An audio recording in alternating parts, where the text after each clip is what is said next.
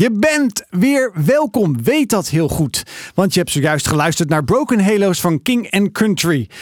Ja, we hebben weer een uh, prachtige avond tegemoet uh, te gaan. En uh, ik heb er wel veel zin in. En jij Marije?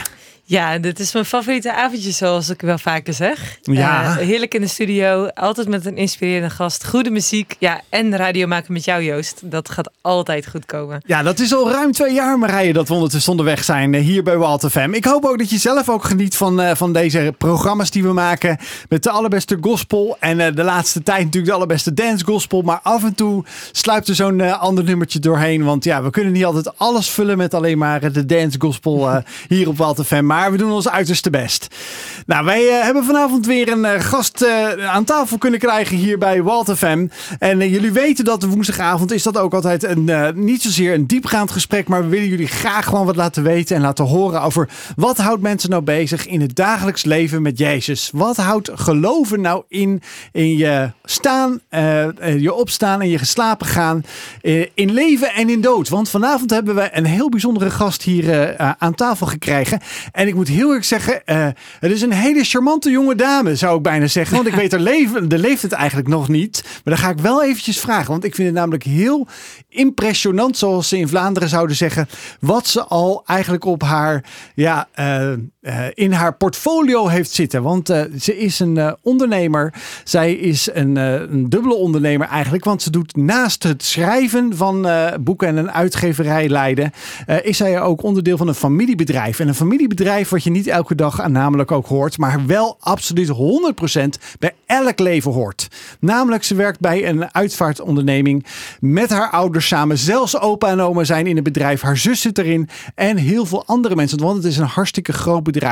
Ja, het is niemand minder dan uh, Janine Beijer. Leuk dat je er bent. Ja, dankjewel dat ik mag aanschuiven. Ja, gaaf. Ik uh, ja, zei al eventjes een beetje van uh, ja, heel bijzonder dat je deze combinatie in je werk, in je dagelijks werk doet. Maar waarschijnlijk zeg jij dat is het allerleukste wat ik mag doen. Ja, dat klopt. Voor mij is het bijna niet anders dan vanzelfsprekend geworden. Daar groei je eenmaal in op een gegeven moment. Ja, nou wij hebben ja, altijd een heel programma te vullen de komende twee uur. Dan gaan we met jou in gesprek over wat je nou bezighoudt in het dagelijkse leven. Ja, en jij komt daadwerkelijk de dood misschien iets te veel voor ons, voor mijn gevoel te veel tegen in je dagelijks leven. Maar daar zal je absoluut mooie lichtpunten uithalen in het, in het werk wat je mag doen. En Marije, wij zeggen altijd woensdagavond. Geluksmomentje. Daar komt hij weer, ja. Nou, zoals de luisteraar wellicht wel weet, is dat ik regelmatig bezig ben met het schrijven en het ontwikkelen van, van nieuwe boeken. En nu is mijn nieuwste boek afgerond. En ben ik volle bak bezig met de online training die erbij hoort. En dat zijn echt wel de geluksmomentjes die ik ervaar. Het moment dat je voor het eerst de cover ziet of voor het eerst weet, ja, dit gaat hem worden. Wordt goed ontvangen door de, door de lezers of de komende lezers. Dus ja, dat is wel echt, uh, echt een fantastisch geluksmomentje. Het, het was weer, wel weer bloed, zweet en tranen. Maar ik moet heel erg zeggen, het leek wel of dat dit boekje wel een stuk makkelijker afging dan het vorige. Maar dat kan aan mij liggen. Ja, maar die voor, dat vorige boek was twee keer zo dik, Joost. Dus uh, oh, dat uh, verklaart dan wel heel erg veel. En de pressure van die uitgeverij, er zit hier toevallig Reetje aan ja. ja, dat is bij tijd een hele bloed, zweet en tranen. Okay. Ja, ik heb wel eens mensen die aan me vragen van, hey, hoe schrijf je dan een boek en hoe krijg je dat dan afgerond? Ja, dat is echt gewoon je erin vastbijten en niet opgeven. En gewoon weten, dit is wat ik ga doen. Uh, dit, uh, dit is een boodschap die zo op mijn hart legt. Uh, ja, ik ga dat niet opgeven. En uh, dan door alle bossen heen de bomen te blijven zien, dat is echt wel uh, een mooie uitdaging, maar zeker de moeite waard. Dus al zeg je als luisteraar van, hoe doe je dat dan? Uh, ik zou zeggen, ga ervoor, zet hem op en ja, zorg dat, dat dat verlangen wat je hebt om een boek te schrijven of om iets af te ronden, ook echt te doen. En uh, Janine, heb je ook iets? Volgens mij speelt er in je leven ook iets met een boek. Alleen uh, in net een andere fase als die van mij. Ja, dat klopt. Ja, nee, uh, inmiddels heb ik net mijn eerste kinderboek mogen overhandigen aan mezelf. In handen mogen hebben. Ja, daar ben ik heel, heel erg blij mee. Betrokken op rouw en verlies. Dus, uh, en is dat ook het geluksmomentje wat je wilde delen? Of, uh, heb ja, je... dat is wel een geluksmomentje. maar ik ben eigenlijk uh, ook wel heel gelukkig dat ik gisteren de verjaardag van mijn vader mocht vieren. Die is 55 geworden. Kijk. En in mijn werk zie ik dat dat lang niet altijd vanzelfsprekend is. Dus dat is altijd wel extra bijzonder om bij ons in de families verjaardagen te vieren. Oh, wat mooi. Ook wel bijzonder dat je dat dan ook zo kan benoemen. Van, het is eigenlijk niet zo vanzelfsprekend dat je elk jaar maar weer jarig mag worden. En dat het zo, uh, zo'n viermomentje is. Ja, wij zien dat natuurlijk van uh, een stukje dichterbij. Dus ik ben gewoon heel blij dat ik uh, in mijn twintigste levensjaar... of in mijn 21ste levensjaar mijn vader nog naast me zij heb. Ja, ja. Kijk, heb ik gelijk die leeftijd ja. nu. Hè? Ja. ja. ik denk ik gooi hem er stiekem tussendoor. dat is de leeftijd, oneerbiedig gezegd, van mijn oudste dochter. Okay, dus ja, ja. Ja, dan weet je ook een beetje over mijn leeftijd. wat, wat, Joost is, maar Joost zo, is al bijna 50. Ja, en nou bedankt weer Marije. Dan ben jij bijna 40. Ja, kom maar door. Kijk, kom maar door. hey, maar uh, van jou Joost, heb je ook nog iets van je zegt, ja, dat is echt iets wat ik zou willen delen met de luisteraar vanavond? Nou ja, kijk, je weet, ik, ik heb vele hobby's uh, natuurlijk. Dat is prachtig. En uh, ja, ik heb weer ja, toch uh, diep in de portemonnee gekeken om, om, om een van mijn, uh, van mijn favoriete hobbyuitingen te kunnen financieren. En dat is namelijk dat ik een nieuwe camera body heb gekocht. Wauw. En dat was echt een aderlating. Maar ja, wil je goede en mooie foto's kunnen maken, dan begint dat natuurlijk wel bij uh, de basis. En ja, dat is gewoon goede apparatuur hebben, want dat is wel een heel belangrijk onderdeel van het geheel. Dus ja, daar uh, hebben we gewoon wat geld aan uitbesteed. Nou, dat was laatst uh, in de uitzending met Handy Tims. Uh, zaten Joost en hij samen echt gewoon heerlijk zich te vernikkelen in alle prachtige nieuwe mogelijkheden binnen camera's en lenzen en alles. Dus ik kan me voorstellen dat je nu ook razend enthousiast bent en gelukkig bent van, van die nieuwe body. Ja, zeker. En, uh, ja, en natuurlijk ben ik ook razend enthousiast over de gospel die we hier draaien op Wild FM met ons programma Wild Fate. En dat is nu niemand minder dan Alex Taylor met With a Still. Dit was With Us van Alex Taylor. Welkom hier uh, bij Walter FM. Ik hoop uh, ja, dat je ook altijd een beetje geniet van die openingen die we hier hebben. Want we proberen jullie altijd lekker eventjes uh, natuurlijk mee te nemen in ons dagelijkse leven. Wil je nou laten weten wat je doet en ja, waar jij mee bezig bent? Laat het eens even weten via die studio WhatsApp of ja, via de socials. Kan dat natuurlijk ook altijd via een, een pb'tje. Want wij zijn altijd nieuwsgierig naar de luisteraar van, van Wild FM. En in het bijzonder natuurlijk die woensdagavond vanavond Valt als wij hier uh, een spraakmakende uitzending proberen te maken. En vanavond is dat niemand minder dan uh, Janine Beijer die we hier hebben. Dus ja, nogmaals welkom Janine. Ja, dankjewel. Ja, en ja, die 21 jaar, nou ben ik toch wel heel erg nieuwsgierig hoor. Want ongelooflijk, wat heb jij al een track record aan, aan enorme ervaring opgebouwd, zegt de afgelopen jaren. Als nou ja, uitgever, ondernemer. ja, en daarnaast heb je ook nog een rijlenzijde van een leuke jeugdige leeftijd, zeggen we wel. Hè? Want je bent in de bloei van je leven. Ja, dat klopt. Nou ja, ik ben natuurlijk wel gewoon in dienst bij mijn ouders. Uh, dus ik mag daarin meedenken. En uh, van hun zusterbedrijf mag ik, uh, mag ik dan leiden. Maar nog wel allemaal veilig op papa's en mama's naam. Uh, gelukkig. ja, ja. Want die jeugdige leeftijd, daar moet je ook in meegroeien. Zonder alle verantwoordelijkheid op je schouders te voelen. Maar merk je ook een beetje dat het ondernemen je wel in het bloed zit? Ja, ja eigenlijk wel. dat is, daar ben ik zwaar mee besmet inderdaad in de jaren. Nee, ik vind het uh, geweldig dat ik de kans krijg. En uh, zoals jij het nu zegt, besef ik ineens, ja, het is eigenlijk helemaal niet heel gewoon voor een, voor een meid van 20 jaar om in deze branche te werken. Laat staan leiding te geven aan zulke onderwerpen. Ja. Ja, het zijn wel uh, levens, uh, levensonderwerpen daadwerkelijk. Maar daar gaan we zo meteen meer over, uh, denk ik, de verdieping in. Want ja, mij, wat mij eigenlijk integreert is dat je... Ehm, ja, ik, ik zal niet zeggen je bent erin gerold aan de ene kant. Maar je vertelde ons eventjes net, voordat we de uitzending begon... eigenlijk hoe je eigenlijk in de ondernemingen van je ouders ben gerold? Want je ouders hebben meerdere ondernemingen. En uh, ja, hoe je eigenlijk zelf eigenlijk daar zomaar in ben, ben gerold. Hoe, hoe kun je dat nog eens een keer halen dat je zegt, ja, ik was 12 en eigenlijk zo ben ik langzaam begonnen? Ja, zeker. Ja, ik was uh, 12, 13 jaar. Toen begon mijn moeder als uitvaartondernemer. Nou ja, ik wist verder niks van de dood, behalve mijn tien goudvissen en mijn twee konijnen. Dus ik had wel zoiets, mama, wat ga jij nu doen? En wat was haar aanleiding om daarmee te beginnen? Nou uh, ja, dan heb je het wel over iets heel moois. Uh, mijn moeder is jaren trouwambtenaar geweest. Uh, het eerste huwelijk wat zij deed ehm, was van twee mannen. Waarvan de een uiteindelijk zijn leven beëindigde. en daar zelf voor koos. En in zijn afscheidsbrief schreef hij of mijn moeder wilde spreken tijdens zijn dienst. En dat raakte mijn moeder enorm. Zo. Ja, dat was echt wel heel heftig en heel mooi om te doen. En daar is eigenlijk gaan rollen. Ook van haar ervaringen van haar stilgeboren zoon. was dat altijd blijven hangen. En toen is, uh, heeft ze ervoor gekozen om een folder te maken als uitvaartspreker. En langs te gaan bij de ondernemingen. En toen kwam ze uiteindelijk uh, bij een ondernemer die zei: Simone, ik denk dat je het zelf moet gaan doen.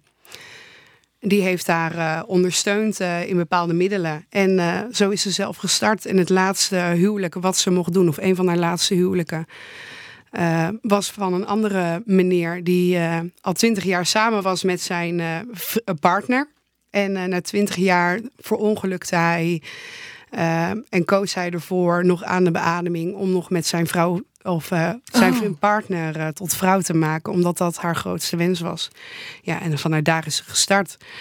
En zo ben ik daarin gerold. Ja, dat is gelijk een heel diep verhaal. Maar zo is wel haar passie gestart. Dus op een lege kinderkamer is mijn moeder gestart. En uiteindelijk ben ik begonnen als koffiedame, koffie schenken bij een condoleance ik merkte dat dat wel heel veel met me deed, omdat de dood ineens zo dichtbij en aanwezig was in ons leven. Um, en, uh, maar ja, na een jaar werd ik daar eigenlijk weer heel nieuwsgierig naar. Dus op het secretariaat kwam een plek vrij. Nou, daar sprong ik bij naast mijn studie twee dagen in de week.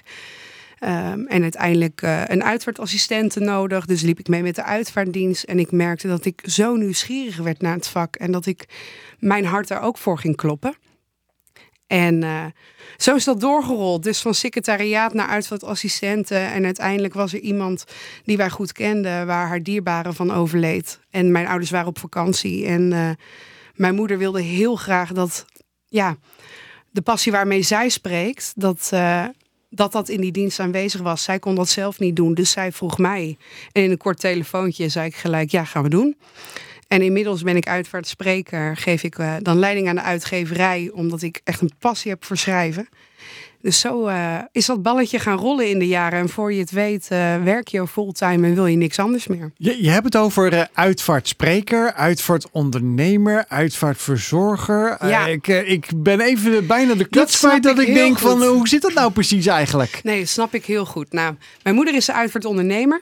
Dus het bedrijf is van haar en van mijn vader. Um, en daaronder vers, uh, liggen meerdere taken. Dus ik ben uitvaartspreker, ik leid de dienst, puur alleen de uitvaartdienst. En ik kom bij de mensen langs om te bespreken wat ze willen vertellen tijdens die dienst. En dan heb je nog de uitvaartleider en die verzorgt de gehele uitvaart van het begin van de melding tot de dag van afscheid. Dus die is daar eindverantwoordelijke voor. Ja, en, en hoe heet dan ook iemand die bijvoorbeeld, uh, ja, iemand zou maar zeggen wast, zou maar zeggen de laatste was, was ja, is dat ook de, de, uitvaart? Is dat ook de uitvaartverzorger dan, of is dat weer een dat, andere taak? Dat kan. Um, wij hebben ervoor gekozen om dat door een ander team te laten doen. Dus dat is gewoon uh, het team van onze verzorgers. Ja. Het is wel uh, één ding is zeker, we komen allemaal vroeg of laat in aanraking met de dood. Ja. of dat het een oude ome is die overlijdt omdat ze oud is en ingeslapen is tot iemand dichtbij die ziek is of een ongeluk krijgt of gewoon jong overlijdt. Dus eigenlijk in, in het hele brede spectrum van, van geboorte gaat het goed of uh, conceptie gaat het goed of uh, wordt een kindje doodgeboren tot aan iemand die oud is en overlijdt. Daar zit zo, volgens mij echt zo enorm veel tussen. Eigenlijk elk vrouw is daarin anders. Is dat ook jouw ervaring? Ja, dat klopt. Ja, of je een kindje overlijdt um, waar je voor mag zorgen in die dagen van rouw. Uh, tot het of dat het een uh, oma is van 98. Er is altijd verdriet en er is altijd pijn. Um, maar bij de een is er ongeloof en bij de ander snappen we het heel vaak niet. Het voelt vaak heel oneerlijk wanneer iemand die jong overlijdt. Uh, sorry, daar versprak ik me even. Maar op, ga maar door. Sorry hoor, ja. nee, maar het voelt vaak heel oneerlijk uh, als iemand op jonge leeftijd overlijdt. Hm. Um, en als iemand van uh, in de negentig overlijdt, dan uh, is het vaak mooi, maar dat doet niks af van het verdriet. En Uh, daarin zit heel veel vormen van rouw. En of je nou een uitvaart hebt waar tien aanwezigen zijn of twee of driehonderd aanwezigen zijn, het doet altijd pijn en je moet altijd zorgen. Ik, ik uh, zie ergens ook wel, je zei je, ik versprak je, maar volgens mij raakt het je ook omdat je zelf zo jong bent. Maar daar gaan we zo even over doorpraten na Wake Up Call van Medissa. Dit was Wake Up Call uh, bij hier bij Wild FM uh, met ons programma Wild Fate op de woensdagavond. Zitten we hier altijd live in de studio. En uh, ja, ben je gewoon heerlijk, ho hopelijk onderdeel van ons programma. Waarin we zaken allemaal aantippen die iedereen tegenkomt in het leven. Soms wat in grotere mate en sommige, soms in kleinere mate. Maar het onderwerp van vanavond is wel ja, eigenlijk iets wat niemand kan uh, ja, uh, onderuit kan komen. Dat is namelijk de dood. Uh, en eigenlijk is dat misschien gelijk wel een heel zwaar onderwerp. Denk je, ja, wegzeppen. Nou, laat dat alsjeblieft niet zo zijn. Want we hebben vanavond hier Janine bij, Beijer in de uitzending. Zij is een hele jonge onderneemster, onder andere een uitvaartspreekster. En in het vorige blokje had je het eigenlijk, uh, ja, je zei eventjes, ik, ik versprak me eigenlijk, maar ik zag eigenlijk ook wel een beetje dat ik denk, je bent zelf zo jong, hè? Uh, je bent een, een, een twintiger, je komt allerlei dingen tegen in je werk. daar zou geheid ook jonge mensen tegen zijn gekomen ondertussen, of die ga je nog op je pad komen, die in jouw leeftijdsrange zijn, die overlijden. Hoe ga je daar zelf mee om dat je denkt van, wow, dat is Iemand die in de kracht van zijn leven een ongeluk heeft gehad of wat dan ook. Uh, hoe, hoe, sta je daar? Hoe kijk je daar nou in en hoe sta je daarin? Ja, die momenten zijn heel moeilijk. En als uitvaartspreker uh, of werk, als, als ik daar überhaupt werkzaam ben, is jouw taak om te zorgen. Terwijl je op een gegeven moment zelf ook een traan moet laten. Want het is gewoon heel confronterend wanneer iemand overlijdt. En ik heb dan ook heel vaak uh, het gevoel van, uh, heer, ik snap echt helemaal niks van u. Maar ik vertrouw hem wel. En dat vertrouwen ga ik dan ook door en uh, werk het uit. Maar dat komt soms wel heel dichtbij. Iemand van mijn uh, eigen leeftijd, die een jaar geleden ook plotseling overlijdt, waar ze zelf niks aan kon doen. een jonge vader van 39 die twee kindjes achterlaat door een stom ongeluk. En in dezelfde week een vader van uh, 46 uh, die uh, even gaat wielrennen en niet meer terugkomt. Ja, dat zijn wel dingen, die komen heel hard binnen. En wat je daar zelf aan kan doen. Dat is gewoon heel fijn dat we met een groot team zijn die je altijd opvangt. Waar je dus een traan kan laten om vervolgens weer met een hand in je rug teruggestuurd te worden om weer te gaan zorgen. En hoe, hoe komt het dan samen met, met de gedachte dat het een mooi beroep is? Het lijkt haast een, uh, een tegenstelling als je dat zo duidt. Nou ja, het overweldigt je, maar in de jaren leer je wel, het is niet mijn verdriet. En als je dat niet beseft, kun je het werk ook niet doen. Als het je niet meer raakt, dan moet je het werk helemaal niet meer uitvoeren. Maar uh, je moet wel leren, het is niet mijn verdriet. En uh, het enige wat jij kan doen is van iets traumatisch wat er gebeurt in iemands leven een laatste hele mooie herinnering maken. Want wat er nu gebeurt, nemen ze de rest van hun leven mee. Iemand van wie je houdt, hou je volgende week niet minder van. En volgend jaar ook niet. Die liefde blijft altijd en die liefde kan niet dood. Maar het is dan aan ons om die herinnering, uh, om die laatste herinnering die ze hebben, of traumatisch te laten zijn, donker, zwart en het valt weg en we vallen in het diepe. Of dat we zeggen, we pakken nu je hand, we nemen je door deze dagen mee en we zorgen ervoor dat jij, ondanks je verdriet en ondanks je rouw, straks weer verder kan. Heb, heb je zelf ook het gevoel dat je, ik noem het maar even zo, uh, gezegend ben, uh, weet je wel, dat je een, een, een, dubbel empathisch vermogen hebt. Want ik bedoel, ja, je benoemt het nu ook inderdaad, ja, je, moet, je moet je kunnen inleven, je moet, je, je moet er wat mee hebben, oneerbiedig gezegd met de dood. Ja, iedereen moet er eigenlijk wat mee hebben, maar ja, jij moet dat dan ook nog, want je komt bij iemand binnen, iedereen, ja, je, je overziet iets. Uh, je moet gelijk daarin de diepte in. Je moet heel praktisch gezien, ik weet het uit eigen ervaring meerdere keren, ja, het is een soort van rollercoaster, jongens. Het zijn zulke praktische dingen, maar toch moet jij ja, dat, dat gesprek misschien soms zelfs wel op gang brengen. Of juist even, even temperen. Jongens, we hebben straks tijd. Maar, maar hoe ga je daarmee om zelf? Hoe, hoe doe je dat dan?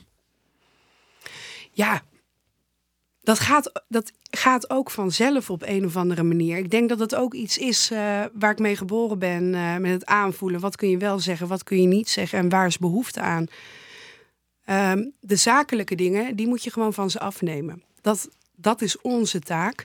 Wat En- zijn dat dan voor dingen? De zakelijke dingen. Nou, eh, bijvoorbeeld het melden van een overlijden, dat moet naar alle verzekeringen. Dat moet bij de gemeente geleverd worden.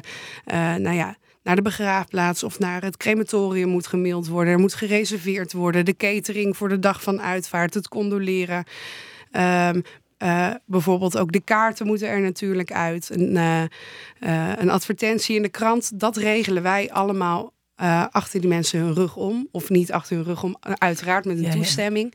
Maar dat zij daar niet naar om hoeft te kijken. En dat is gewoon heel belangrijk. En dat er volledig ruimte is om de mensen te ontvangen die zij in die dagen willen, naast hun zij willen hebben. En dat er plek is voor verdriet en te voelen. Ja, en wat het, eh, het mooie maakt. We denken heel vaak aan de dood dat het zeven dagen alleen maar huilen is. Maar de mooie herinneringen aan die persoon komen allemaal boven. En je leert iemand kennen door die verhalen heen. En dat is heel dankbaar werk. Dat is super mooi. Dus dat gaat met een lach en een traan. En voor mij als uitvaartspreker, als ik daar dan een heel mooi verhaal van mag maken, wat kloppend is. eh, en wat volledig past. En dat ze na de uitvaart zeggen: Dit is precies zoals hij was. Ja, dat geeft zo'n voldoening. En daar doe je het uiteindelijk vol, voor. Ja. Dat is ook echt wel bijzonder. Ja. Ik was laatst ook bij een uit, ehm, uitvaart en dat je dan inderdaad dat merkt. Dat ehm, je terugblikt op een, op een leven eh, waar ook heel veel mooie en kostbare momenten in voorbij komt. En dat je dan door de verschillende verhalen van de mensen heen ook af en toe ehm, ja, eh, eh, de, inderdaad de lachen en, en de traan hebt met elkaar omdat je ook met elkaar die momenten terugziet of herkent eh, van die persoon die je allemaal heel erg lief had. En wij hebben Bjorn Visser ooit eh, in de studio gehad. Oh, die ken ik. Ja. Ja, van eh, het boek Papa's Rouwen ook. Ja. En hij zei, rouwen is een vorm van liefhebben. En toen dacht ik echt, oh, hij zet echt zoveel ruimte ook vrij om dat verdriet ook echt een vorm is dus om lief te hebben. Dat het juist ook zo welkom is en zo ook er mag zijn. Ehm, ja, ik ben ook heel erg benieuwd wat jouw visie daarop is. We gaan er weer even uit eh, voor muziek. Eh, maar daarna eh, ben ik echt ook benieuwd wat, wat jouw visie is op wat eh, Bjorn dus zei. Dit was Equippers Revolu- Revolution met Nothing But The Truth. Ja, niets dan de waarheid. Die waarheid die, ja, die overwint ook vaak van alles. En ik denk dat waarheid ook vrij maakt. En soms maakt dat mensen juist ook vrij op het moment dat ze...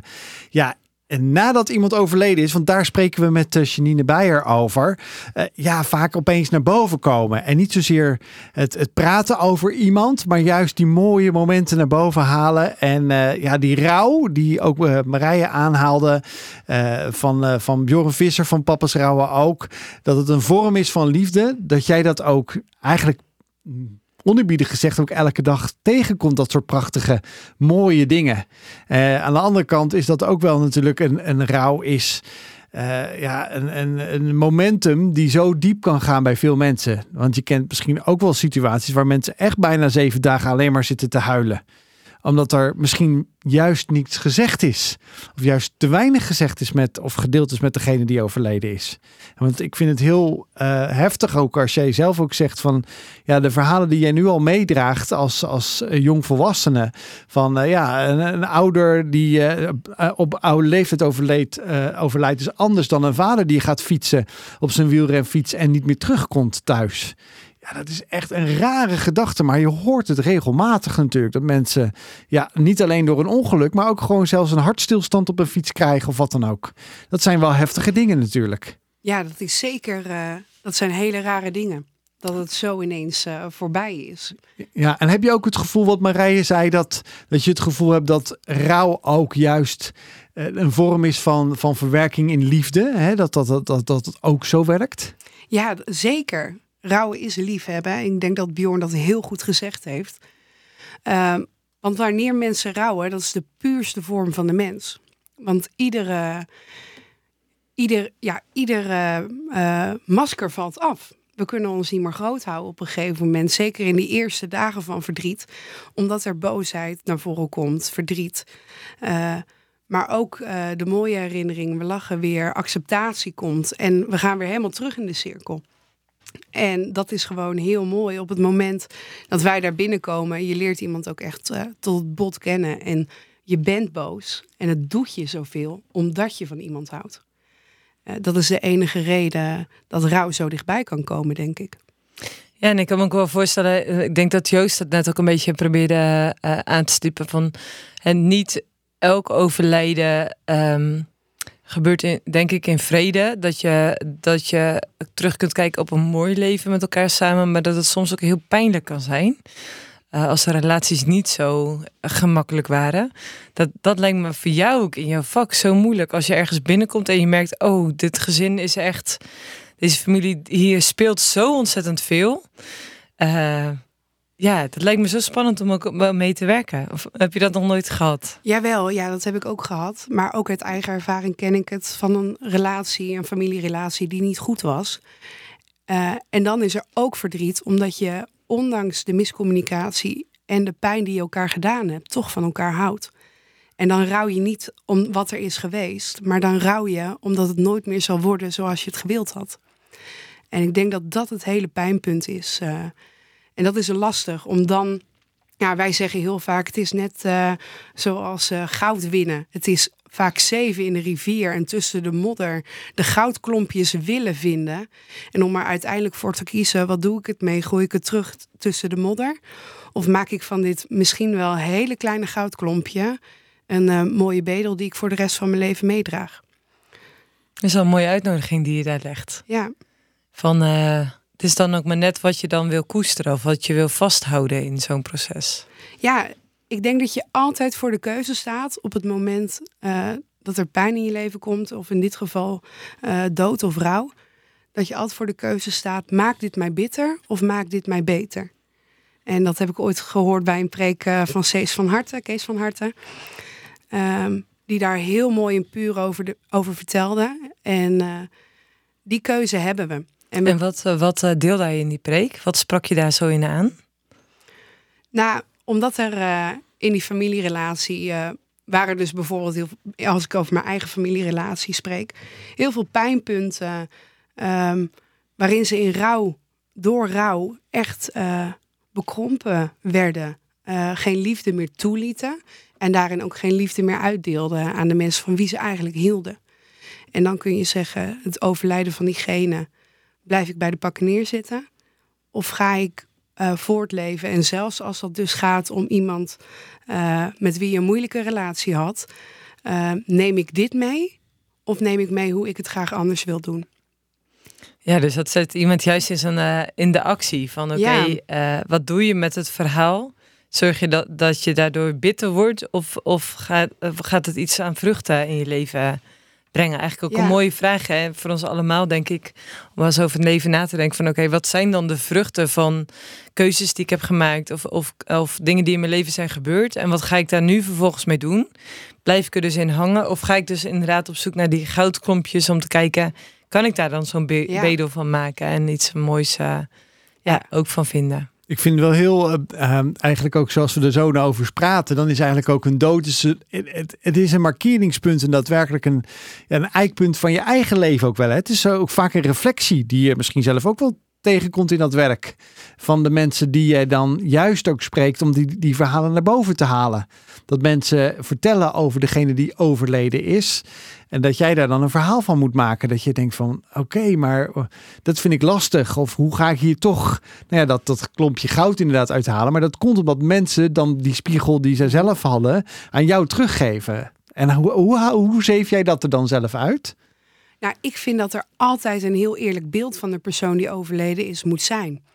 En uh, komt heel vaak voor uh, dat bijvoorbeeld uh, opa of oma overlijdt. En dat uh, ome Kees wel een hele goede relatie had met zijn moeder. Maar tante Margriet haar nog nooit meer zag.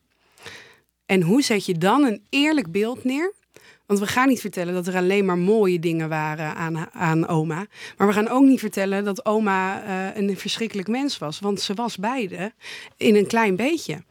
En dat is gewoon heel belangrijk om neer te zetten. Dus ondanks dat, wat zijn jouw mooie herinneringen? En we weten dat het hier niet goed ging, maar toen heeft ze wel dit voor mij betekend. Uh, dat is gewoon heel belangrijk om eruit te halen.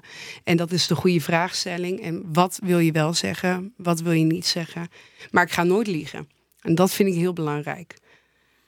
Want de fouten die mensen maken, die mogen er ook zijn. We hoeven niet allemaal als heiligen het leven uit te gaan. We moeten er eerlijk uitgaan. En de uitvaart is uiteindelijk voor de mensen die achterblijven. Maar het is wel bijzonder dat je er zo'n zo'n uitdaging, zo'n uitnodiging, zo'n zo'n zoektocht in kunt hebben. Het, het, het is echt een vak. Ja. In plaats van hè, dat mensen misschien denken, dan mag je wat zeggen. Maar je, de woorden die je moet, moet vinden en, en hervinden, daar gaat heel veel wijsheid in om. Van hoe doe je recht aan de verschillende verhalen? Hoe doe je recht aan de persoon? En hoe kun je dan ook nog iets geven aan de mensen die overblijven, zoals je dat zegt? Ja, want de mooie verhalen kunnen de een kwetsen en de lelijke verhalen kunnen de ander kwetsen. En hoe zoek je daar een middenweg in? En dat is gewoon uh, de uitdaging van het vak en dat maakt het ook prachtig. Ja, we hebben geluisterd naar Good Life van uh, Fearless Blend. Ja, als er eigenlijk iets is wat we voor de muziek al over hadden, is van hoe kun je toch in het vak wat Janine heeft als uh, uitvaartspreker, onder andere uitvaartspreker, want het is maar één van de twee dingen of vele dingen die ze doet, maar in ieder geval voor de, uh, voor de dagelijkse kost. Hoe kan je toch het eerlijke verhaal van iemand blijven vertellen en ehm, ja, ook nog, ja, toch ook wel de de story, uh, het verhaal achter uh, laten voor de, uh, degene die achterblijven. Dat vind ik echt heel mooi ook hoe je dat zelf weergeeft. Want ja, het is zoiets wat zo automatisch gaat, maar dat is wel wat voortleeft, nog generaties lang al ligt. Want dat is het verhaal wat mensen vaak doorvertellen aan de ander. Wat daar achterblijft op die ja, begraafplaats of in die aula of daar waar jij met de mensen spreekt. Ja, het is de laatste herinnering aan die persoon. En ik denk dat dat ook het punt van rouw is, waar we het hiervoor ook al over hadden. Um, het leven is als een boek wat je schrijft. En uh, ieder jaar komen daar nieuwe pagina's bij. En sommige hoofdstukken zijn prachtig en andere zijn minder mooi. En dat verschilt ook nog uh, met iedere relatie uh, die die persoon had. Maar uiteindelijk stopt het boek. En het pijn zit niet in de herinneringen die er waren. De pijn zit in de lege pagina's die nog moeten komen. Waarvan we zo graag gewild hadden dat ze nog kwamen. En dat is het hele pijnpunt uh, daarin. Maar daarin kijken we terug in dat boek en filteren we de mooie momenten eruit en de levensbepalende momenten. Om daar uiteindelijk zelf verder te schrijven. Heb je, heb je zo'n mooi, heb je zo'n mooi moment waarvan je dacht van, uh, of waar, waarvan je nu denkt, of waar je misschien even over na moet denken in een split, split second, waarvan je dan denkt van, ik heb daar iets gezegd een keer bij een begrafenis of bij een, uh, bij een dienst, wat eigenlijk echt ja, de mensen ja, raakt. alles raakt natuurlijk altijd, maar waar je zelf een, een mooi voorbeeld van hebt, wat je net aan, aanhaalt? Nou, ik heb een keer een oudere dame ook begraven. En uh, uh, die leerde haar man kennen op een feest waar hij de DJ was in die tijd. dus tussen de platen. Maar zij vond dat hij geen goede platen speelde. Dus ze zocht tussen de platen en ze zei: speel deze maar. Want dan kan ik tenminste dansen. Nou, die partner of die DJ is uiteindelijk haar man geworden. Waar ja, uiteindelijk meerdere gezinnen uit voortbloeiden. En uh, uh, toen haar man overleed, heeft zij er dus voor gekozen wat we net ook zeiden. Uh, ik word niet bitter, maar ik word beter. En zij is op meerdere danslessen gegaan. Heeft geen partner meer gekregen, maar wel altijd blijven dansen. Om maar in leven te blijven. Ze heeft gekozen om te leven en niet te overleven. Dus uh, aan het einde. Ik had natuurlijk al die mooie verhalen gehoord. En aan het einde van de dienst wilde ik de mensen nog wat meegeven. En toen zei ik. Uh, Misschien uh, zit je nu hier en denk je door het overlijden van je moeder of van deze geliefde vrouw, um, dat de rest van je leven alleen nog maar nummers over pijn en verdriet zullen klinken. Dat alleen nog maar de uitvaartnummers die je nu gehoord hebt uh, zullen spelen. Maar dan wil ik je uitdagen op het moment dat het je niet meer bevalt om te zoeken tussen de platen van de platenspeler en de muziekje aan te zetten om te blijven dansen omdat zij er ook voor koos om ondanks het verdriet te blijven dansen.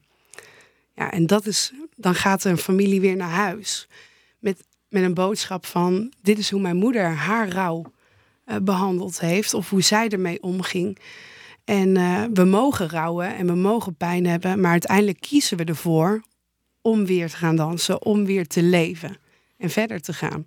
Ik vind, uh, je bent een hele goede verhalen vertellen. Dus ik ben heel benieuwd hoe jij straks in de tweede uur uh, ons mee gaat nemen in die tijdmachine, ja. Janine. Want Dit was Elevation Worship met Lion. Welkom terug hier bij het tweede uur op woensdagavond met Wild Fate hier uh, bij Wild FM.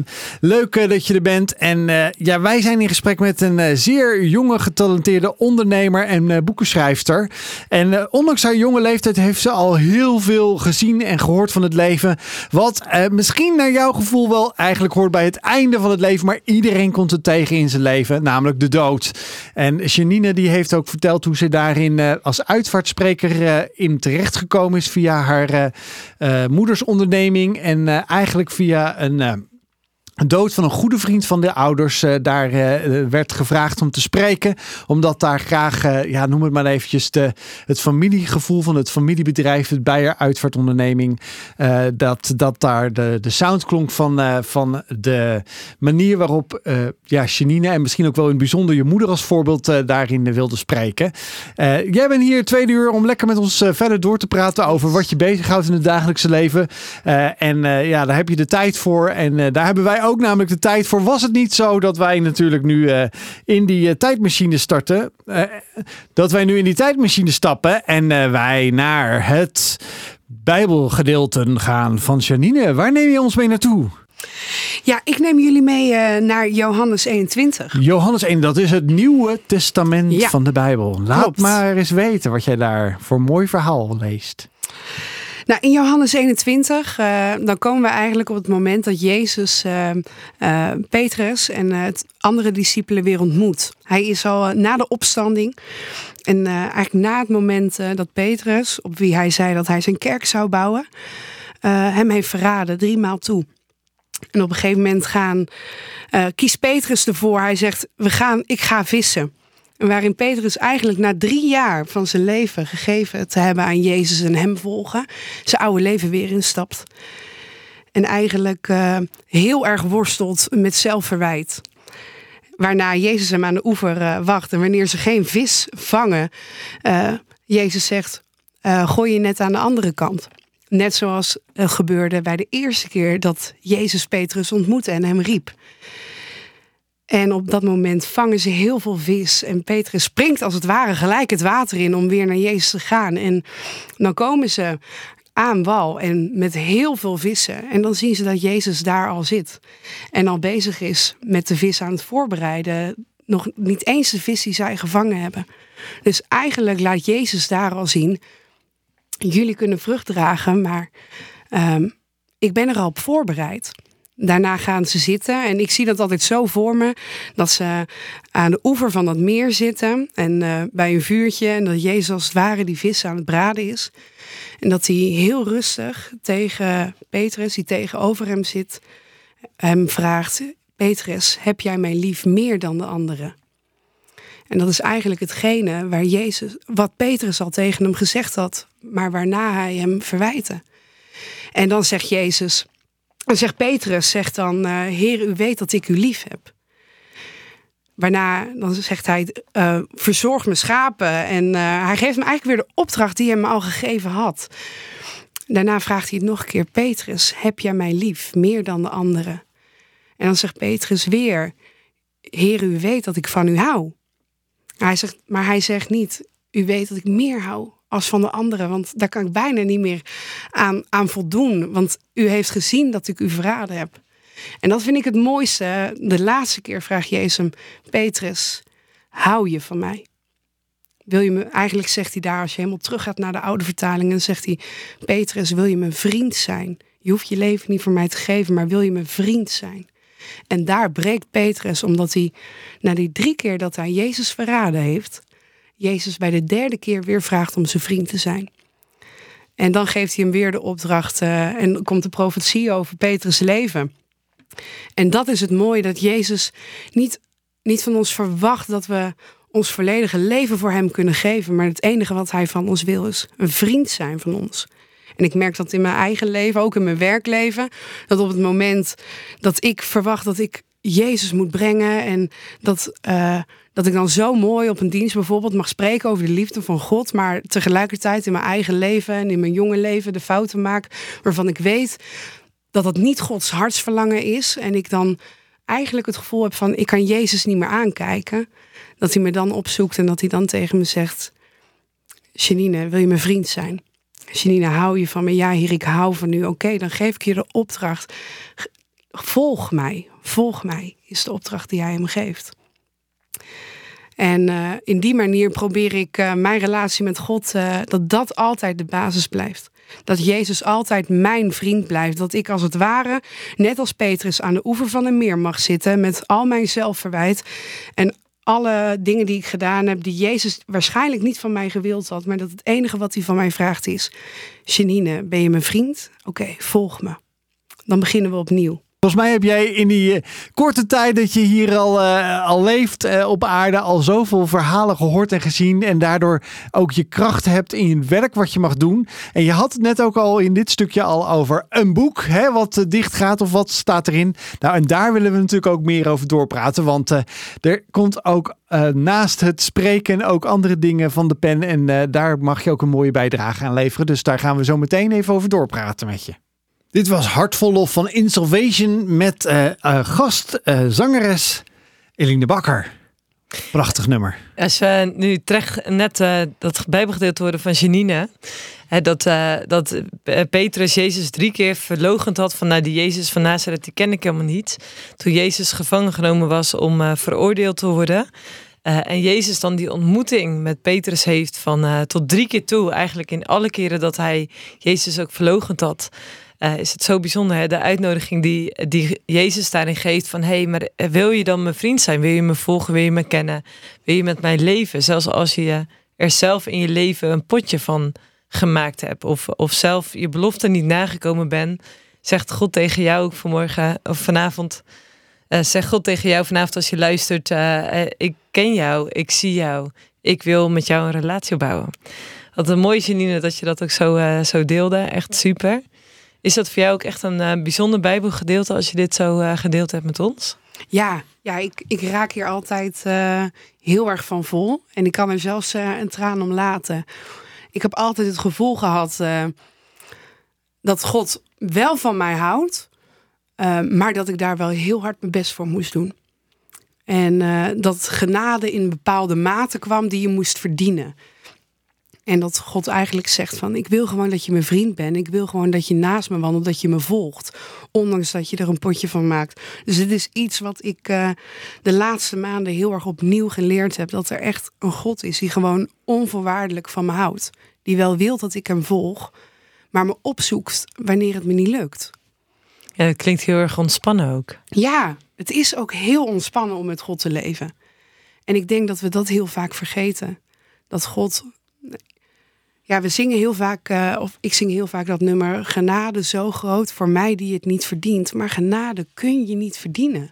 Het is een cadeau wat God je geeft. En het is aan ons, wil je het, wil je, wil je het aan, aanvaren? Wil je mijn vriend zijn? Dat is de enige uitnodiging die God geeft. En wat, wat brengt dat in je leven? Wat, wat maakt dat je zegt, ja, ik wil dat cadeau ook echt aanpakken? Nou, het geeft mij heel veel rust. En in dit werk zie je natuurlijk Ehm, het einde van ons aardse leven. Maar ik zie ook heel vaak de belofte uh, van, uh, van het nieuwe leven wat komt, het eeuwige leven bij Jezus. Ja, dat geeft zoveel hoop. En dat is niet alleen maar troost om de dood niet eng te maken, want dat denken mensen heel vaak. Maar het is juist, het is niet een cadeau voor later, het is een cadeau om te kunnen leven in rust. Je ogen gaan helemaal stralen. Ja, ja ik, uh, als je gaat praten over Jezus, uh, dan raakt mijn hart uh, overvol. Ja. Heb je dat altijd gehad? Ja. Dat je, je hart er zo van vol is? Want ja. ik kan me goed voorstellen dat ja, nu luisteraars zitten, dat er iemand zit te luisteren in de auto of op de bank thuis. Denkt, ja, come on, begin twintiger, geloof. is dat nog wel anno 2023? maar er zit hier iemand zo enthousiast over te praten. Wat, wat heeft dat, die enthousiasme jou gegeven? Of hoe kom je daaraan? Nou ja, ik ben christelijk opgevoed. Um, dus ik heb niet een hele grote getuigenis dat Jezus pas boem in mijn leven kwam. Maar er is altijd een moment in je leven waarin je opvoeding je eigen geloof wordt. En uh, ik heb altijd heel veel van de Heer Jezus gehouden. En, uh, uh, maar ik weet dat een aantal jaren geleden was ik dat wel even kwijt. En ik merkte hoe dichter ik bij Jezus liep, hoe meer duisternis in mijn leven mij kwam opzoeken in een bepaalde hoek. En dat ik er op een gegeven moment voor koos. Weet u, Heer, het hoeft voor mij allemaal niet meer. En eh, ik ben er klaar mee. En op het moment dat dat zo dicht in mijn leven kwam, gingen de kerken op slot, gingen de scholen op slot. Ik kon bij geen christelijk iemand meer aansluiten, want corona kwam ons land binnen. En toen stond ik er helemaal alleen voor. En mijn enige, nou ja, dat is een beetje gek om nu te zeggen, maar ik, uh, in mijn studententijd deed ik, uh, werkte ik ook een dagje als barvrouw, gezellig. Dus het enige wat ik nog had, was thuis zitten, alleen zijn. Ik kon God niet opzoeken, maar ik kon wel de kroeg opzoeken. En dat heb ik ook heel erg gedaan. En die leegte die ik in me voelde, omdat ik echt ervoor koos, uh, mijn geloof zet ik nu aan de kant. En uh, ik weet dat u bestaat, maar voor mij hoeft het allemaal niet meer.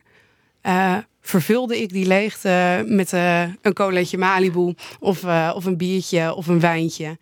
En dan voelde ik me die avond heerlijk, maar de volgende dag werd ik wakker met een grotere leegte. En dan vulde je je weer en dan werd ik weer met een grotere leegte. En op een gegeven moment mochten we weer feesten en leuke dingen doen. En toen dacht ik, deze leegte kan ik niet vullen. En ik wil hem ook niet op deze manier. En toen ben ik op een gegeven moment weer naar een kerk gegaan met zo ongemakkelijk als ik me voelde. Want hoe voelde die leegte? Ja, ik was echt heel eenzaam. En ik had me nog nooit zo gevoeld. Ik droeg het echt allemaal alleen en het hele leven overrompelde me. Ja, overrompelde me. Ik was echt heel eenzaam. En uh, genoeg vrienden en vriendinnen om me heen en familie en mensen die van me hielden maar geen onvoorwaardelijke liefde die me zo vervulde. En uh, op een gegeven moment ben ik weer naar de kerk gegaan en toen uh, baden ze voor vervulling van de Heilige Geest. En uh, ik opende mijn handen en ik voelde echt dat er iets in mijn handen gelegd wordt. En ik ben zo hard begonnen met huilen. En toen zei ik: Heer, ik heb u nu terug. Ik wil u nu niet meer kwijt. Want het was ook op dat moment dat die leegte gewoon. Ik voelde mijn hart gewoon weer volstromen. Ik hoefde het niet meer alleen te doen. Dat, je legt je handen ook helemaal op je, ja. op je hart neer. Uh, uh, voelde je, uh, want ik kan me voorstellen dat iemand luistert en denkt, nou, er werd gebeden voor de vervulling van de Heilige Geest. Ja. Is al moeilijk om dat te visualiseren als ja. je dat niet kent. Um, maar jij had zo'n bovennatuurlijke ervaring dat je zelfs voelde dat die leegte in je hart wegging. Ja, ik denk dat ik op dat moment, nou, als we het dan over rouw hebben, dat de rouw van die anderhalf jaar van mijn beste vriend missen eruit kwam. En uh, ik begon echt heel hard te huilen. En daarna zei ik ook, heer, het ging niet van het een of het andere moment. Wel voelde ik echt een aanraking van de Heilige Geest. Ik voelde me warm worden. En ik voelde alsof er een, een deken over me heen gelegd wordt... waar je uren onder kon slapen. Maar daarna was het wel hard werk. Oké, okay, ik kies er nu weer voor om u te volgen. Uh, nu moeten we de relatie weer opbouwen. En die beste vriend, dat was Jezus. Was Jezus, die ja. ja. Ja, het is bijzonder dat je dan uh, na die anderhalf jaar merkt: hé, hey, uh, hè, wat, wat ik ook heb gedaan of, of hoe mijn gevoel daar ook onder was. Ik was weer zo enorm welkom ook uh, bij hem. Ja. En hij wees me niet de deur. Nee. Ja, daar hoort natuurlijk God's Great Dance Floor van uh, niemand minder dan Chris Tomlin en uh, een remix van Rijer uh, bij. Want ja, Janine is weer terug. Ze heeft weer op die dansstoel gestaan met Jezus. Ja, en daardoor was er ineens weer een klik. Ja. En er was er een nieuwe vlam. Ja. Letterlijk en figuurlijk. Ja, ja ik, ik, het is heel gek om uit te leggen, maar dat is nu dan weer uh, een jaar geleden dat ik die uh, dat ik Jezus weer echt ontmoette op dat moment. En daar heb ik echt hard aan gewerkt. En daarom koos ik ook voor Johannes 21.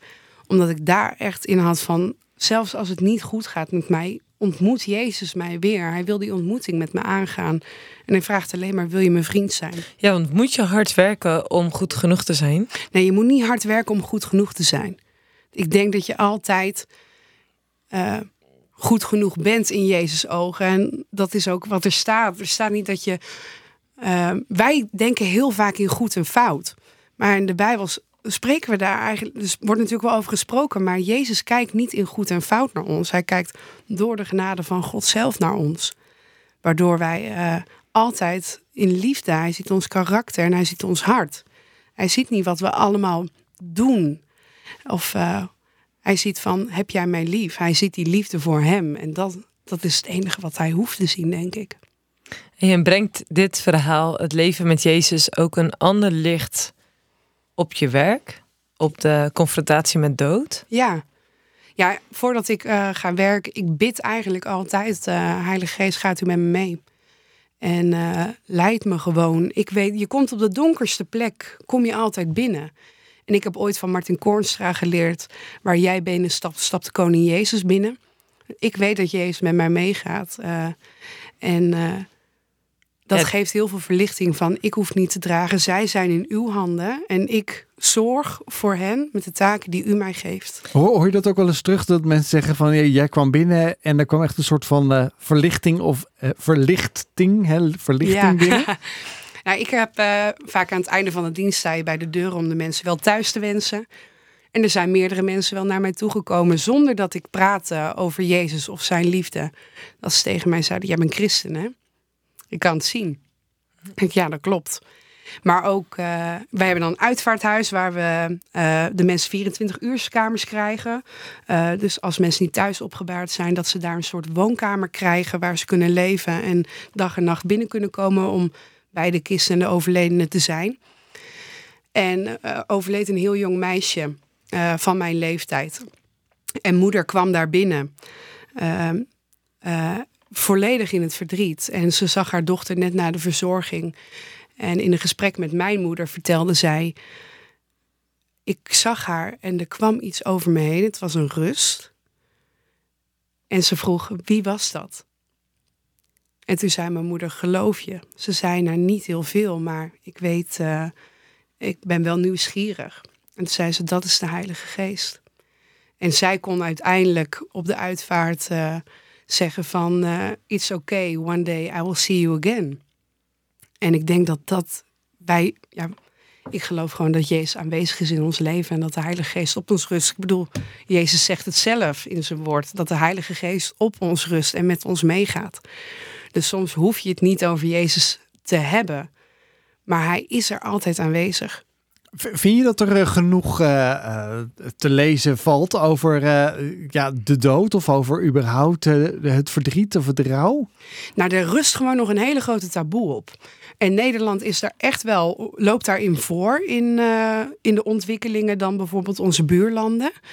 Maar Ehm, je ziet vanuit voorgaande generaties dat de dood niet een bespreekbaar onderwerp was. En dat is overgaan in de volgende generatie, die nu wel leert om erover te praten, maar eigenlijk de angsten van hun vader en moeder hebben overgenomen. En die kinderen, die begraven nu hun opa of oma. En dan hebben we het ongeveer tussen de leeftijd, uh, nou ja, tussen de vijf en, uh, en de veertien jaar. Dat is vaak een eerste ervaring met de dood.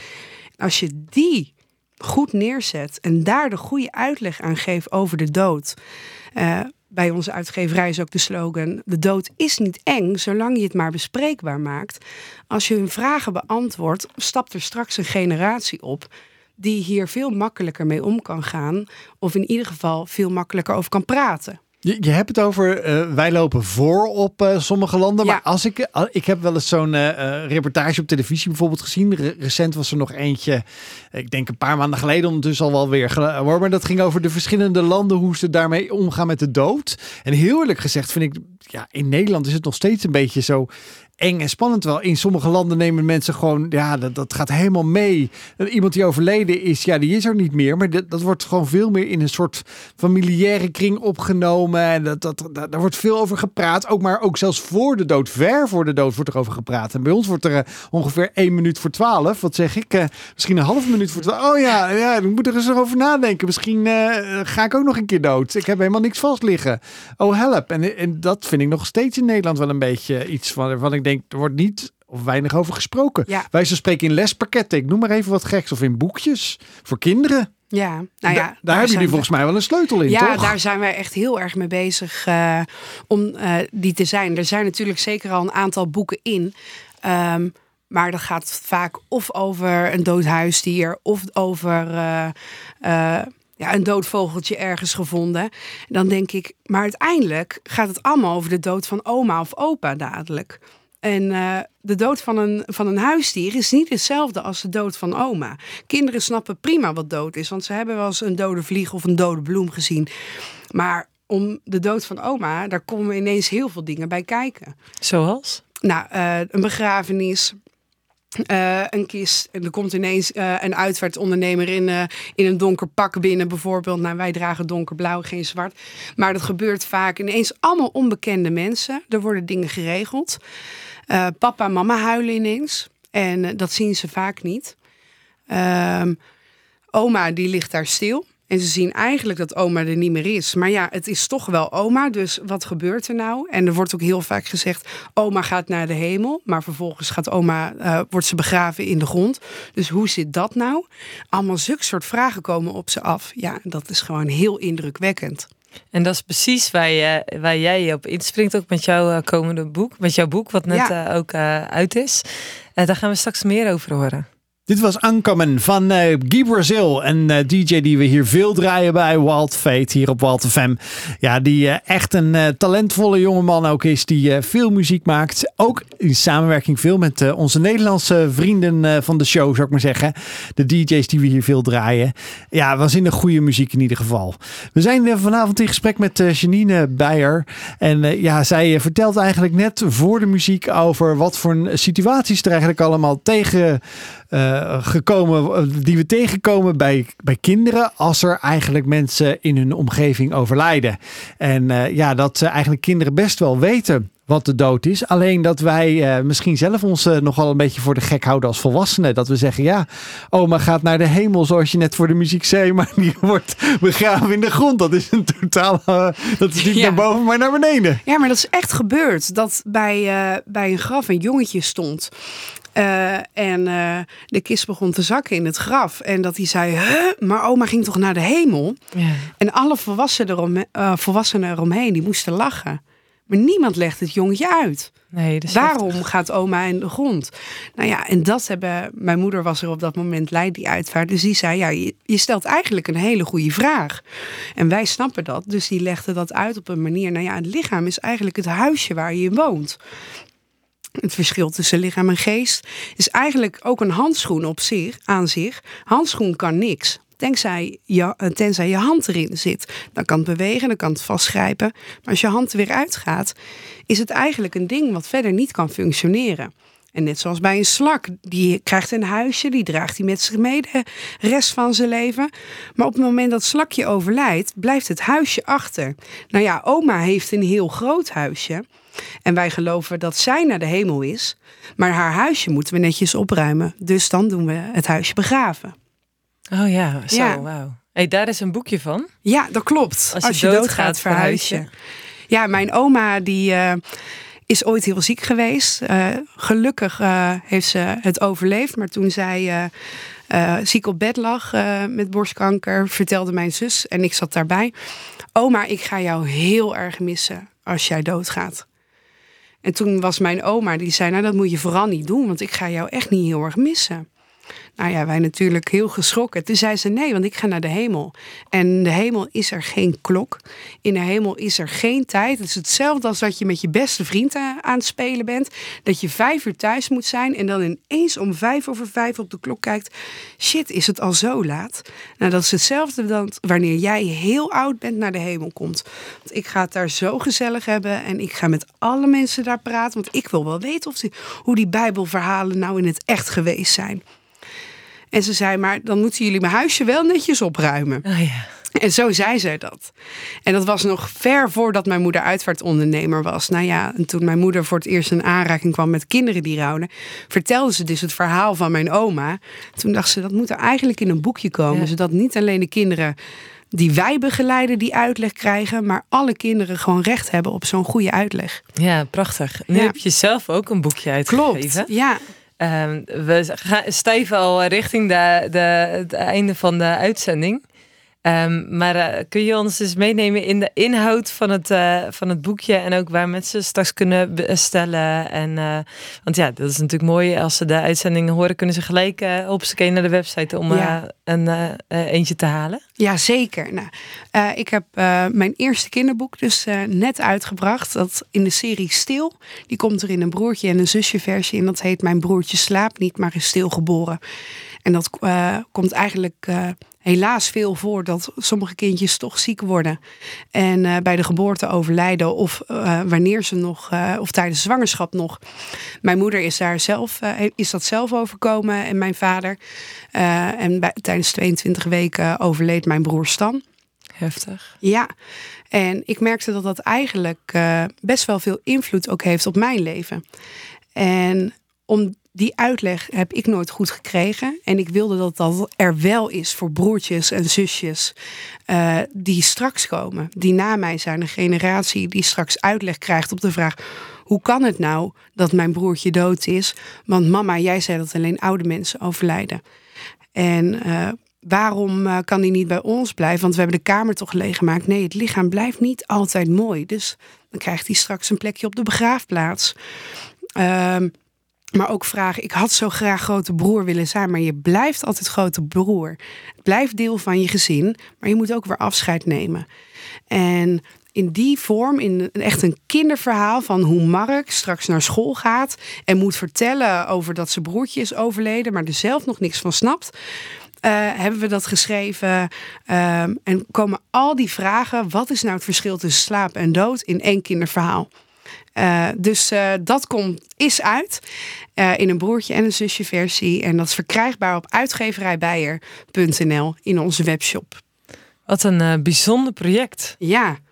Bracht het ook voor jezelf weer een stukje herstel? Ja. Ja, er zijn bepaalde tekeningetjes in. Op een gegeven moment ehm, ging het over een kindergrafje en dergelijke. Omdat daar heel kort een uitleg over komt. En de illustrator was bezig. die zei iets van versiering. Een windmolentje. En toen begon ik eigenlijk direct te huilen, want het naastgrafje van mijn broer staat een windmolentje. En uh, ik heb dat nu een jaar geleden echt een plek kunnen geven, maar ook gezien, het is ook, het is ook mijn verlies eigenlijk. Ik heb altijd gedacht, het is de zoon van mijn ouders, maar het is ook mijn broer. En ik heb mogen leren dat, uh, dat hij een plekje in mijn leven mag hebben. En dat dat mij beter mag maken in het leven wat ik nu doe. Maar dat ik die zorgen van hoe het eigenlijk komt dat een kindje overlijdt, dat ik dat nu los mag laten. Ik vind het heel bijzonder dat je dat, uh, nou ja, je, je praat erover, maar dat is na dato vele jaren geleden ook. Ja. Dat je nu pas dat een plekje geeft, zo ja. lang. Nou ja, ik werk uh, in dit werk heb je het soms nodig om een coach naast je te hebben. En uh, op een gegeven moment kwam ik daar en die zei: Hoe ziet je gezin eruit? Dus ik vertelde erover zus, vader, moeder, zwager. En toen zei ik, zei ja, broer, ja, nee, ja, nee, ik weet het eigenlijk niet. En toen zei hij, ik denk dat we het daar eens over moeten hebben. Want ik denk dat het een belangrijke rol in je leven speelt dan dat jij denkt. En dat maakte uiteindelijk heel veel uit. Ik heb altijd gedacht uh, dat uh, omdat ik leef, dat daarom Stan niet leeft. Maar dat staat zo los van elkaar. En ik ben daarin een soort plek ingegaan in mijn leven. Dat ik aan het opboksen was tegen Stan, die eigenlijk uh, nog geen dingen bereikt had in het leven. Dan ga je het weer hebben over onvoorwaardelijke liefde die je van je ouders uh, hoort krijgen. Maar dat ik als het ware liefde van hen aan het verdienen was en acceptatie aan het verdienen was, omdat Stan het wellicht wel beter had kunnen doen. Dus ik was continu in strijd. Hoe kan ik het beste in mezelf naar boven halen om het waard te zijn om te leven? Zo bijzonder dat je dit zo deelt. Ook in het kader van het Bijbelgedeelte wat je gekozen ja. had bij de tijdmachine. Uh, de realisatie dat, dat je voor God nooit heel hard je best hoeft te, ja. te doen, maar die, dat die liefde uh, onvoorwaardelijk is. Ja, ik, ik denk gelijk aan uh, Round daar Wauw, weet je wel? Van ja. een ontdekking in je eigen leven in de titel van jouw boek, uh, Marije. Natuurlijk. En dat is eigenlijk ook zo'n stap, hè? Die je dan zelf opeens ontdekt in je eigen leven. We hebben zo nog één blokje te gaan voordat we helaas uh, deze aflevering van vandaag weer moeten stoppen. Maar gelukkig kunnen we nog zo even met je doorpraten naar Apollo met Run. Ja, we zijn alweer beland in uh, ons laatste ja, blokje van uh, Wild Fate hier op Wild FM. Waarin we met uh, Janine Beijer in gesprek zijn ja, over haar ja, relatief ontzorgde leven. Maar aan de andere kant zorgt ze ook voor zoveel mensen die in die laatste fase uh, ja, zo'n moeilijke periode doorgaan als uh, uitvaartspreker en, en ondernemer met, met de hele familie zelfs. heel bijzonder ook denk ik om dat met z'n allen te mogen doen. Je deelde ook net voor de muziek ja, de best wel eh, bijzondere ervaring die je ook hebt gehad door eh, het overlijden van jouw broertje, de vroeggeboorte, de, de stilgeboorte, een plek te hebben gegeven. Heel bijzonder ook dat jullie dat ook zelfs hebben uitgegeven in een boekje voor uh, speciaal kinderen ook. Een kinderboekje. Dat vind ik echt heel bijzonder. Te vinden bij uitgeverijbijer.nl. Om daar in de webshop te vinden. Ik hoor een webshop, dus er zijn nog veel meer boeken die jullie uitgeven. Ja, klopt.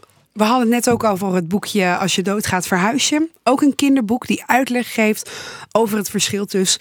Uh, uh, tussen lichaam en geest. En uh, wat er gebeurt als iemand overlijdt. En wat er gebeurt met het huisje dat je hier achterlaat.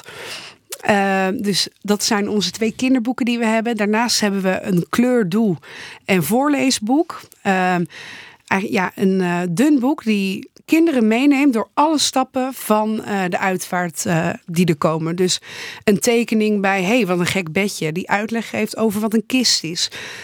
waarom zoveel mensen? Ehm, en gecondoleerd, wat betekent dat? Nou, echt die uitleg geeft dus ook met een rouwstoet. Wat is dat? En begraven. Um, waarom doen we dat? Allerlei soort vragen. Mag ik ook wat zeggen? Wat zijn mijn herinneringen van de persoon die overleden is? Dus het, uh, je kunt het invullen met de naam van degene die overleden is. Waarom jij dat boekje gekregen hebt. En daarnaast heb ik het boek Dood Eenvoudig. Uh, dat is een boek voor volwassenen. Hoe neem je kinderen bij de hand tijdens rouw en verlies? Geschreven door Simone bij jezelf. Uh, mijn moeder dus, die vanuit haar ervaring uh, als uitvaartondernemer ons meeneemt in meerdere situaties die er bij kinderen voorkomen. Uh, maar ook vertelt uit haar eigen ervaring van uh, haar stilgeboren zoon. Het overlijden van een jonge klasgenoot van toen zij negen was. En wat zij daar allemaal van herinnerde. En hoe ze dat nu toepast om herinneringen mooier te maken voor kinderen die nu leven. Dus zeker een aanrader voor op het moment dat je te maken komt met, met kinderen die rouwen. Zo bijzonder dat je moeder daar zo'n passie van heeft gemaakt. Dat vanuit haar eigen pijn want dat is eigenlijk ook wel wat je net al eerder zei. Uh, hè, word je er bitter van of beter? Dat, dat, dat het in je moeders leven gewoon door de dingen die op haar pad gekomen zijn, zo'n zo'n ja, eigenlijk wel passie geworden is. Om kinderen, maar ook allemaal andere mensen die ze ontmoet in deze heftige thematiek, juist ook iets moois mee te mogen geven. Ja, ja dat is haar, haar passie en daar heeft ze mij mee besmet. Ja, nee, het is daar heb ik, vind ik mega mooi om te zien. Um, mijn moeder heeft een heel goed uh, geheugen. Dus ze heeft ook echt in haar boek flashbacks beschreven uit die tijd en dergelijke. Van de psalm die ze in die kerk zong, maar ook een bepaald gordijn wat ze herkende. Of hoe haar hartslag ging toen haar moeder vertelde dat haar klasgenootje overleden was. Um, en haar hoogsensitiviteit, die ik overigens ook heb um, die maakt dat wij heel gauw aanvoelen um, wat betekenis. En bij haar zit het in de details. Dus donkere gordijnen vervangen door lichte gordijnen. En bijvoorbeeld een jongetje uh, die heel erg uh, van voetbal houdt. Nou, dan gaat zijn voetbal erop van de vereniging en een mooie foto. En kinderen krijgen kaarsjes en lampjes en bandjes met ik zal je nooit meer vergeten. Want als iemand rouwt in een voetbalteam, dan dragen ze ook een rouwband. Uh, oh, ja. Allemaal zulke details om het allemaal gemakkelijker te maken voor kinderen. Ja. Hoogsensitiviteit, daar hebben we ook een programma over gemaakt, toch Marije? Ja, met Margreet Bronk. Ja, ja, dus ga eens eventjes naar die uh, Wild Fate de podcast. En dan kan je met Margreet Bronk nog een uh, aflevering over uh, ja, dit onderwerp. En specifiek dit, noemen we maar even zesde zintuig, zoals ze wel eens zeggen. Mm -hmm. daarover meer te weten te komen. Interessant. hebben jullie ook nog meer plannen eigenlijk om dit uh, onderwerp eigenlijk nog meer te verdiepen ook? Om nog meer dingen uit te geven? Ja, er ligt zat. We zijn echt uh, met meerdere dingen bezig. Ja. En uh, ik denk dat in de loop van de maanden er ook nog nieuwe projecten uitkomen. We willen gewoon dat ieder onderwerp van de dood bespreekbaar wordt gemaakt. En uh, of dat uh, door middel uh, van een voorleesboek is of in een andere vorm, daar zijn wij heel hard mee bezig. Ja, er zijn natuurlijk zoveel thema's over ziekte, ja. zelfdoding. Ja, daar zijn wij ook inderdaad hard mee ja. aan de gang. Zo, wat, het is echt zo goed dat daar inderdaad het gesprek over opengebroken wordt. Maar ook dat het tools zijn voor de mensen om daarover in gesprek te gaan. Ja. Dus wat heb je een mooie missie. Ja, dankjewel. En een prachtig mooi hart voor je vak. je bent super jong, maar zo gedreven. En zo vol verlangen om daarin juist ook heel veel te mogen betekenen voor de mensen die je tegenkomt. Dus uh, ja, echt, uh, ik vond het heel inspirerend om jou in de studio te hebben. Nou, dankjewel in ieder geval voor de ruimte die jullie me gaven. Ik vond het een eer om langs te komen. Ja, nou ja, je bent uh, toegevoegd aan de lange rij ondertussen van allerlei mensen. gremium, waarom? Omdat we hier met Walt Fate hier op Walt FM ook gewoon zaken bespreekbaar willen maken. Maar ook voornamelijk van wie is Jezus nu vandaag de dag in je dagelijks leven. Nou, daar heb je voldoende van verteld. Ook over wat voor een ja, bijzondere persoon en bijzondere vriend hij ook in jouw leven en bovenal jouw redder en uh, ja, jouw schepper ook. Want daar getuig je van en dat wil je graag meegeven. Want we zijn hier alleen maar even tijdelijk op deze aarde. Want uiteindelijk mogen we naar een eeuwig leven gaan uh, om daar te zijn bij God. Bedankt voor je komst nogmaals, uh, Janine. En heel tof. Wil je meer weten over eigenlijk het onderwerp van de dood? En ook hoe je met kinderen erover kan praten, zelfs met een kleurboek om dit met begeleiding mee te nemen. Ga dan naar uitgeverijbijer.nl. Daar kan je deze uh, dingen bestellen, deze boekjes bestellen. Uh, en die worden dan uh, bij je geleverd. Ik wil je heel erg nogmaals bedanken. Marije, het was. Ik zie jou nog de vinger ophalen voor de, de uitsmijter. Ja, ja, ja. Volgende week komt Mirjam van de Vecht bij ons in de studio met een nieuw boek Leven is Leren. En ik dacht, ah, dit sluit ook zo mooi aan bij het thema waar we vandaag over hadden. omdat het ook gaat over hè, wat er dan ongenuanceerd op ons pad komt. Uh, vormt ons dat dan ten goede? Kunnen we daar ook van leren? Of uh, maakt dat ons bitter, waar we het vandaag ook over hadden? Dus uh, ik kijk enorm uit naar de uitzending ook met Mirjam.